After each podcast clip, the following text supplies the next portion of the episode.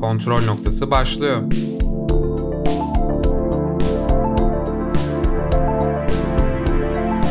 Hoş geldiniz. Kontrol noktasından herkese merhaba. Ben Görkem Öztürk ve bugün Volga Deniz Demirbağ ile birlikte Irishman filmini konuşacağız. Başlamadan önce bizi dinleyebileceğiniz ve takip edebileceğiniz alternatif yerlere kontrolpod.com adresinden bakabilirsiniz. Bu arada Irishman sohbetimiz spoilerlı olacak. Hemen Irishman'ı nasıl buldun diyerek başlayayım Volga. Şimdi öncelikle Görkem e, filmin en öne çıkan kısmıyla başlayalım istersen. Film 3,5 saat e, ve 3,5 saat olduğunu bence gerçekten hissettiriyor. Uzun filmler izledik hepimiz. Hani bazısı hissettirdi, bazısı gerçekten o kadar güzel yaydı ki hani farkına bile varmadın. E, ama ben bu filmin gerçekten hissettirdiğini düşünüyorum. Ya bazı insanlar hiç 3,5 saat gibi hissettirmedi vesaire demiş ama bence yaşla alakalı biraz. Biz çok hızlı tüketmeye alıştık ve şu anda bize çok yavaş geliyor. Yani filmin kurgusunda aslında bir sorun yok ama film çok eski kafa bir film bence. Ya filmin anlatacağı çok şey var. Ee, dediğin gibi kurguda bir sıkıntı yok, işlenişte de bir sıkıntı yok. Ee, o hikayeyi 3,5 saatte anlatırsın. Hani gereksiz e, sahneler olduğunu düşünmüyorum. Yani Martin Scorsese gerçekten gereği olmayan herhangi bir sahneyi koymamış. Ama uzun anlatacağı çok şey varmış demek ki adamın. Ya biz şu an bunu bu filmi kesinlikle hakkını vererek konuşamayız. Bojack'i misal karakterler üzerinden konuştuk. El Camino'yu olay akışı üzerinden konuştuk. Ama Al Pacino dahi filmin söyleşisinde şey diyordu. Yani o kadar çok zaman atlaması var ki bazen yaşıma uygun oturup kalkmayı unutuyordum. Ya biz de kesinlikle konuşurken bazı şeyleri atlayacağız. Şimdi Görkem senle Netflix'teki filmin söyleşisini iz- izledik. Ee, işte bütün büyük başlar, ihtiyarlar heyeti toplanmış. Robert De Niro, Al Pacino, Joe Pesci bir de yönetmen Martin Scorsese. Birazcık aslında bizim yaptığımız şeye benzer bir şey yapıyorlar işte film üzerine konuşuyorlar. Ee, yani orada da gördüğümüz e, bence birazcık da geçmişe olan özlemleri. Çünkü bu adamlar gerçekten kült adamlar ve hayatlarını sinemaya vermiş adamlar. Ee, bir de hani yaşları gereği de artık yani yakında bu dünyadan göçüp gidecekler. Teker teker dökülecekler. Söyleşide yaşlandırma tekniği kullandıklarından da bahsediyorlardı filmlerde. Normalde Scorsese çok teknolojiyle alakalı bir yönetmen değil aslında. Onlar için de yenilik, onlar için de şaşırtıcı bir şey. Onlar da yabancı bayağı aslında. Scorsese en son zaten işte Marvel filmleri sinema filmi değil vesaire diyerek de biraz gündeme gelmişti. Ve bu filmin de dağıtımında sıkıntı yaşadı. Ki çok normal. Yani böyle bir filmin çok alıcısı yok esasen. Film evet çok fazla ödül alabilir. Çok fazla yüksek puan alabilir. Ama sinema salonlarına girse gerçekten o salonların önemli bir kısmı ikinci haftada boş kalacak. Bu da bir gerçek. Ya şimdi sırf 3,5 saat diye de hani sinemada lan 3,5 saat sinemada ne yapacağız biz deyip gitmeyen insanlar olabilir. O yüzden bence Netflix bunun için çok uygun bir platformdu. Zaten bunu göze alarak yapmış olduğunu düşünüyorum. Pekala o zaman artık filmin içine geçelim birazcık.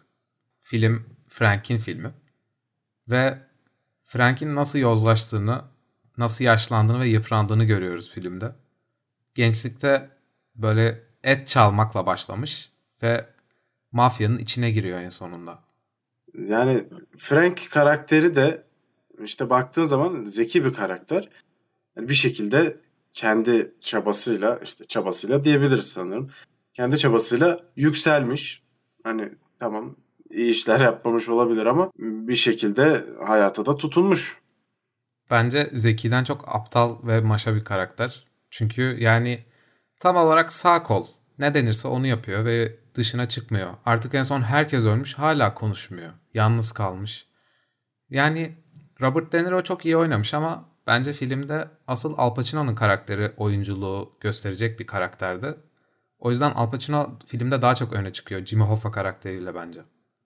Şimdi şöyle ufak bir dipnot verelim. Bunu başta söylememiz gerekiyordu belki Görkem ama e, film gerçek olaylara dayalı ve e, Jimmy Hoffa karakteri e, bir kere bir lider. Bu liderlik vasıflarını taşıması gerekiyor. E, yani karizmatik bir lider olması, halka seslenişini iyi yapması gerekiyor. Al Pacino gerçekten dediğin gibi çok güzel oynamış ve adeta bir tiyatrocu gibi. Belki tiyatro işte geçmişinden geliyordur. Ben bilmiyorum orasını ama gerçekten büyük oynamış ve büyük oyunuyla karizmatik lider karakterini özellikle o seslenişlerinde çok dikkat ederek e, göstermiş. Ben çok memnunum oyunundan. Ya gerçeğe dayanıyor dedin. Watergate skandalı, Kennedy suikastı, işte Fidel Castro vesaire de çok var. Yani dönemindeki detaylara çok yer veriyor. Ama o dönem benim çok sevdiğim bir dönem değil esasen. Fakat yine de film çok dikkat çekiyor. Çünkü konuşulan her hikaye, her detay gösteriliyordu. Minik bir anıdan bahsediliyor ve o anıyı çekmişler. Bir kişi şu şekilde öldü diyor. O araba patlamasını görüyoruz. Her detay çekilmiş. Hatta bazen bence gereksiz yerleri bile çekmişler. Ya bilmiyorum. Bence iyi bir filmde ve iyi bir yönetmen e, hiçbir gereksiz sahneyi filmine koymamalı. E, Martin Scorsese'nin e, çok detaycı bir yönetmen olduğunu biliyoruz. E, bunu e, Joe Pesci de o söyleşide bahsediyor. Önceki filmlerinden bir tanesinde işte kocaman bir kalabalıkta bir tane adamın saati döneme uygun değilmiş. Ufak o detayı görmüş ve hani bütün sahneyi tekrar çektirtmiş. Ee, biraz saplantılı olmak gerekir. Ya Jimmy Hoffa ile ilgili benim en çok takıldığım şey şu oldu. Bir sahnede Frank'in kızı ile e, yakınlaşıyorlar. Dondurma alıyor ona. İşte kız öpüyor vesaire sarılıyor bir şey yapıyor. Ve Jimmy Hoffa şey diyor. Başka ne hoşuma gider biliyor musun diyor. Ve orayı çat diye kesiyorlar. Bir sübyancı alt metini var gibi Jimmy Hoffa'da. Bunu sonradan baktım ama göremedim. Yani sonradan dans ettikleri sahnede var. Jimmy Hoffa öldükten sonra Peggy yani işte Frank'in kızı da hiç Frank'le görüşmemiş, görüşmeyi kesmiş. Ama film bunu tam olarak açıklamıyor.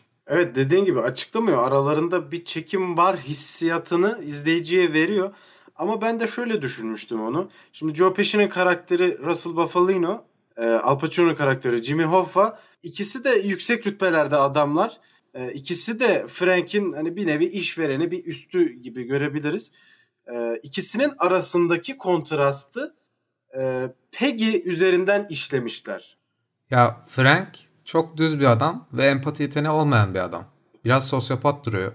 Bakkalı dövdüğü sahnede çok gerçekçi bir anlatım vardı. Sabit bir açıdan uzağa kamerayı koymuşlar ve orada vurduğu zaman vesaire hani özel bir efekt yoktu, bir şey yoktu. Gerçekten bir bakkal tartaklansa sokakta böyle olurdu. Herhangi bir süsleme yoktu. Şiddet sahneleri çok güzeldi o açıdan. Misal en sonunda farklı bir yöntem deneyeceğim deyip bir kişiyi öldürmeye gidiyordu. Ve çat diye kafasına vuruyordu. Hiç sorgu, sual yapmadan, herhangi bir konuşma yapmadan. Yani klasik film mantığında ilerlemişler o işte yaşlarından dolayı. Bu ihtiyarlığın getirdiği bir şey olabilir belki ama dediğim gibi o bütün teknolojinin işte tüketimin içerisinde geçmişe dönüş ve klasik sinema mantığını tekrar işlemek e, amacı güdüldüğünü düşünüyorum. Ya bence bayağı gerçekçi yapmaya çalışmışlar klasikten ziyade. Misal mafya çok övülecek ve süslü bir şey gibi değil. Mafya bir araya geldiği zaman sıkılıyorlar. Onlar da biraz sıkılıyor. Durumdan memnun değiller o kadar havalı göstermiyor. Çok daha gerçekçi gösteriyor gibi geldi bana. Peki Görkem Joe Pesci'nin karakterini nasıl buldun? Russell Buffalino. Russell karakteri aslında çok konuşmayan bir karakter. Bakışlarıyla ve daha çok sessizliğiyle bir şeyler anlatıyor genelde. Ama Russell'la ilgili en çok sevdiğim şeydi galiba. Frank'le bir ayinleri gibi bir şey oluşuyor. Şarap ekmek. Ve yaşlandıklarında hapishanede artık Russell'ın dişi kesmiyor. En son hani Frank sen Çin'e var da bana ver aşamasına geliyorlar. hani en sonunda hiçbir şeye sahip değiliz ya. İşte bu kadarız. Yaşlandık ve yıprandık. Neye yaradı modundaydı. O yaşlanma hissiyatını film zaten çok güzel anlatıyor. Bu yaşlanmada kullandıkları teknik yeni bir teknik zaten. Ee, hani farklı bir şekilde daha önce kullanılmamış bir şey. Ya hakikaten bakıyorsun lan bu da, ne zaman yaptılar? Hani bu nasıl bir makyaj diyorsun? Çünkü çok gerçekçi olmuş hakikaten. Ama makyajlıymış. Ben başta makyaj sanıyordum. Sonra söyleşiyi izledikten sonra Netflix'teki e, anladım ki yani yine teknolojik bir şey yapmışlar. Filmdeki tek teknolojik şey olabilir. Onun dışında e, dediğim gibi klasik sinema mantığında ilerliyor. Peki Jimmy Hoffa'nın öldüğünü aslında filmin başında da görüyoruz. Ve ben bunu sana söylediğimde ilk başta anlamadın. Hani en başı olduğunu düşünmemiştin. Sonradan fark edince ne hissettin? Ya ben normalde çok kaçırmam ama iyi görmüşsün. Kaçırmışım bunu demek ki.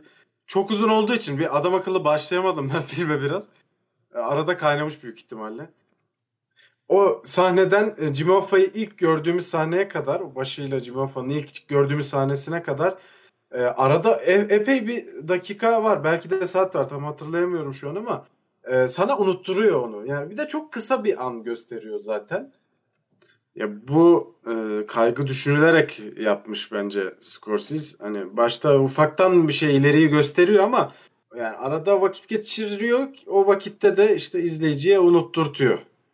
Ya aslında orada şöyle bir şey var. Jimmy Hoffa'nın biz film içinde yani Al Pacino'nun nasıl göründüğünü bilmiyoruz. O sahnede de öldürülen biri gördüğümüz zaman hiç düşünmüyoruz. Ki pek çok kişi bence o detayı da önemsememiştir, fark etmemiştir bile. Yani en başından zaten onun Jimmy Hoffa olacağını e, düşünen biri olacağını sanmıyorum.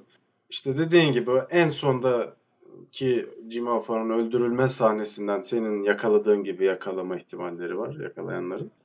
Öyle. Misal filmin kurgusundaki böyle çok değişik gelen bir şey de ilk başta hangi mafya karakterini görürsek ne zaman ve nasıl öldüğü yazıyordu. Zamanı durdurarak ilk başta veriyordu bunu ve çok alışık olmadığımız bir şey olduğu için garipsemiştim ben. Sonra çok fazla yapmaya başladı. Yani çok fazla değil de yine aralara serpiştirmeye başladı. Sonra alıştım ben de. Ee, onun dışında beni e, rahatsız eden ufak bir şey var. Birkaç tane e, sıçrama gördüm kurguda. Özellikle e, Jimmy Hoffa'nın öldüğünü e, Jimmy Hoffa'nın karısına telefonda anlatmaya çalışırken bir yerde böyle çok rahatsız edici bir sıçrama var. Onu gördün mü? Bir orada vardı. Bir de Jimmy Hoffa galiba hapisten çıktığı zaman vardı açıklama yaparken. Evet onu ben de fark ettim ama kasıtlı yapılmış bence o. Yani bilmiyorum neden kasıtlı yapmış ki onu? 3,5 saatlik bir filmde jump cuts yapılınca evet insan biraz garipsiyor ama yani Scorsese'nin kasıtlı bir tercih olduğunu düşünüyorum ya. Biz fark ettiysek Scorsese'nin fark etmeme ihtimali bence öyle bir şey yok. Görkem istersen ana karakterimiz Frank üzerine yoğunlaşalım tekrardan. Biraz daha üstüne konuşabiliriz. Frank karakterinin gelişimini nasıl buldun? Frank'i izlerken sürekli şunu düşündüm. Frank ve benim hayatımın arasında çok basit bir fark var. Ona Russell geliyor, mafya babası ve trigger kayışını değiştiriyor. Bizde hiç öyle tesadüfi mükemmel şeyler olmuyor. Yani Frank aslında metaliksiz, sıfır bir adam. Ve tesadüfi bir şekilde yükseliyor. Ben de metaliksize sıfır bir adamım ama yükselemiyorum. Hayatındaki tek, tek eksik Joker. evet. Peki Görkem, filmdeki reklam yerleştirmelerini nasıl buldun? Çok Ya ona- fazlaydı. Evet. Özellikle ama dikkat etmişler. Misal Kennedy öldürüldüğünde televizyonda bir anda reklam girdi ve bir kola markası söylediler. Ondan sonra işte kamera vesaire fotoğraf çekerken kamera markası gözüktü. Genelde bizim ülkemizdeki işlerde çok göze sokuyorlar ama bunda özellikle doğal gözükmesine dikkat etmişler. Yani bildiğin bir ürün yerleştirme reklamı gibi e, yapmamışlar ki zaten bu tür profesyonel işlerde ben zaten beklemem öyle göze sokmayı. Misal kola markasında logo vesaire gözükmüyordu. Sadece sesle yapıyorlardı bir Evet tanesi. evet. Bizde hayatta kabul etmezler. Tabii canım hem göstereceksin hem söyleyeceksin. Ya şimdi dönem filmi bu. O dönem filminde bazı e, yapılması gereken şeyleri yapmaları gerekiyor. Tam emin değilim ama e, Kennedy suikastinde televizyonda izlerlerken e, o kola reklamı işte Kennedy vuruldu diyor. Sonra bir 10 saniye kola reklamı sonrasında e, Kennedy'nin öldüğünün haberi geliyor. E, bence emin değilim tekrar diyorum ama gerçekte de böyle oldu. 10 saniyelik o arada kola reklamı yapıldı ve sonrasında ölüm haberi geldi. Eğer öyle bir şey varsa bunu planlayan kişinin direkt maaşına zam yaparım. Ama bilmiyorum, sanmıyorum o kadar zekice bir şey yapacaklarını ya. Yani bilmiyorum bana çok öyleymiş. Direkt izlediğim gördüğüm anda öyleymiş hissiyatı verdi ama tekrar teyit etmek lazım emin değilim. Ama olsa çok güzel bir detay olurdu. Yani hani Martin Scorsese gibi detaycı bir yönetmenden ben beklerdim böyle bir şey. Peki Frank'in ailesini nasıl buldun? Filmde aslında en işlenmeyen nokta o. Evet Frank e, kızıyla vesaire çok uzak. Ama karısıyla ayrılırken hiçbir diyalog görmüyoruz misal. Ya evet, e, Frank'in ailesi gerçekten işlenmemiş çok fazla. İşte hatta ben isimlerini bile hatırlamıyorum. Tek hatırladım Peggy onu da zaten diğerlerinden ayrı bir şekilde işlediler işte Jimmy Hoffa'nın karakteriyle birlikte. Ya belki de önemli değil. Ya aslında Frank için o zaman gerçekten önemli değil bence de. Ama yaşlandığı zaman klasik pişman olup kızı Peggy'yi bankada ziyaret etmeye çalışıyordu. Ya ihtiyarlamış adamın yapacağı şey nedir işte hayatta sana bu saatten sonra kalan ne çocukların var onlara da zaten yapacağını yapmışsın. Ya zaten hemşireye de şey diyordu. Sen daha çok gençsin önünde çok yol var. En son kapıyı bile kapatmasını istemeden böyle boş boş yaşlı bir şekilde odasında bekliyordu ya ölümü. Biraz üzücüydü ya. Kapanışı bence çok güzel bir tercih. Şimdi ihtiyar Frank e, tam bir görev adamı. Yani gençken de görev adamıydı. Ve görevlerini aldığı adam Russell Buffalo'ydu. Ve ihtiyar Russell bu diyarlarda göçtükten sonra da Frank'e görev verecek kimse kalmamış oluyor. Kendi yalnızlığında bütün dostları ölmüş halde artık o da ölmeyi bekliyor.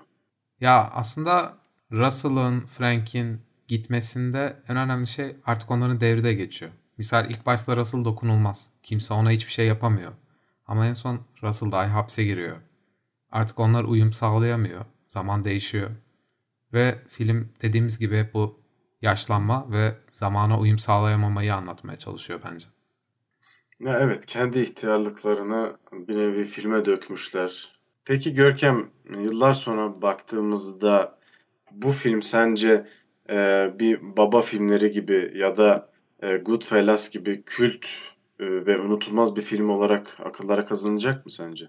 Ya bence filmde aslında kusurlu şeyler çok yok. Ama yeni bir şey de yok. Çok fazla olay gördük, evet. Ama işlediği konu baba gibi vesaire çok vurucu değil. Belli bir kitleyi, özellikle daha yaşlı bir kitleyi çok memnun edecek bir film.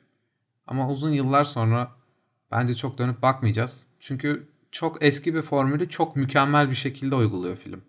Evet yani bir mafya filmi aslında. Yine bir İtalyanlar içerisinde ama yani dediğin gibi bir enteresanlık yok. Her şey yerli yerinde duruyor. Bu arada İtalyanların İtalyanların mafyasında İtalyanların hepsi ölüyor ve bir İrlandalı hayatta kalıyor. Ve şey açısından biraz manidar. Mafyanın olayı aslında kendi içindekini koruyup kollamaktır ya. Kendi içindekiler hariç herkes ölüyor. Misal bir yerde çılgın Joe karakteri vardı. Ve Joe bizim İrlandalıya şey soruyordu. Kardeş miyiz biz onunla? Kardeş miyiz diyordu. Evet kardeşsiniz ama hani şu an böyle yapma. Çok fevri davranıyorsun tarzında Frank uyarıyordu onu. Sonra ne kadar kardeş olsalar da onu öldürdüler. Yani ters bir adamdı ve yolu tıkıyordu. Gitmesi gerekiyordu. Mafyaların deyimiyle. Bunlar da götürdü. Yani kısacası sistem biraz göstermelik. Günün sonunda kardeşlikte yalan, kendi aileni harcıyorsun ve hiçbir şey sahip olamıyorsun. Yaşlandığın zaman hiçbir şeyin önemi kalmıyor. Bütün film dediğimiz gibi tekrar tekrar yaşlanma mevzusuna çok fazla değiniyor. Ya gerçekçi bir senaryo işte. Hani zaten gerçek hem de sana böyle gerçekten böyle bir tutam veriyor gibi. O kadar fazla şey yapıyorsun, para içinde de yüzüyorsun. Ama en sonunda işte o ekmeğini en yakın arkadaşına çiğnetecek kadar e, Düşüyorsun. Muhtaç kalıyorsun. Düşüyorsun. Yani yapacağın bir şey yok. En sonunda insansın. Ölüyorsun. Etrafındaki herkes ölüyor. Ne yaparsan yap bir yerden sonra kendi başına bir başına kalıyorsun. Pekala Volga. O zaman eklemek istediğin bir şey var mı? Üç buçuk saatlik bir screenplay. Yani aslında daha fazla konuşulması gerektiğini düşünüyorum ama yani bakıyoruz filme her şey yerli yerinde işlemiş ufak tefek konuşulması gereken şeyleri zaten konuştuk. Eklenecek bir şey olduğunu düşünmüyorum saatine nazaran.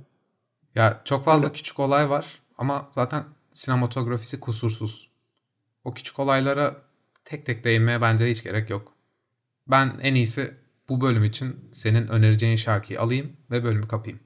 Ee, bu kaydın şarkısı da o zaman Kavinsky'den Night Call. Görkem. Ben biraz farklı bir şey yapıp şarkı yerine bir de tablo eklemek istiyorum bu bölüm kendim. John Everett Milley'den Ophelia tablosu. Yani genel olarak önerilerimizi filmden bağımsız yapıyoruz ama bu tablo Irishman'in ağır havasına bence çok uyuyor. O zaman Spotify'da, Apple Podcast'te, Google Podcast'te, YouTube'da, SoundCloud'da ve Instagram'da varız. Kontrol Pod kullanıcı adı veya alan adını alabildiğimiz her yerde aldık. Kontrolpod.com'dan bütün bu platformların linklerine ulaşabilirsiniz. Görüşmek üzere. Görüşürüz. Kontrol noktası sona erdi.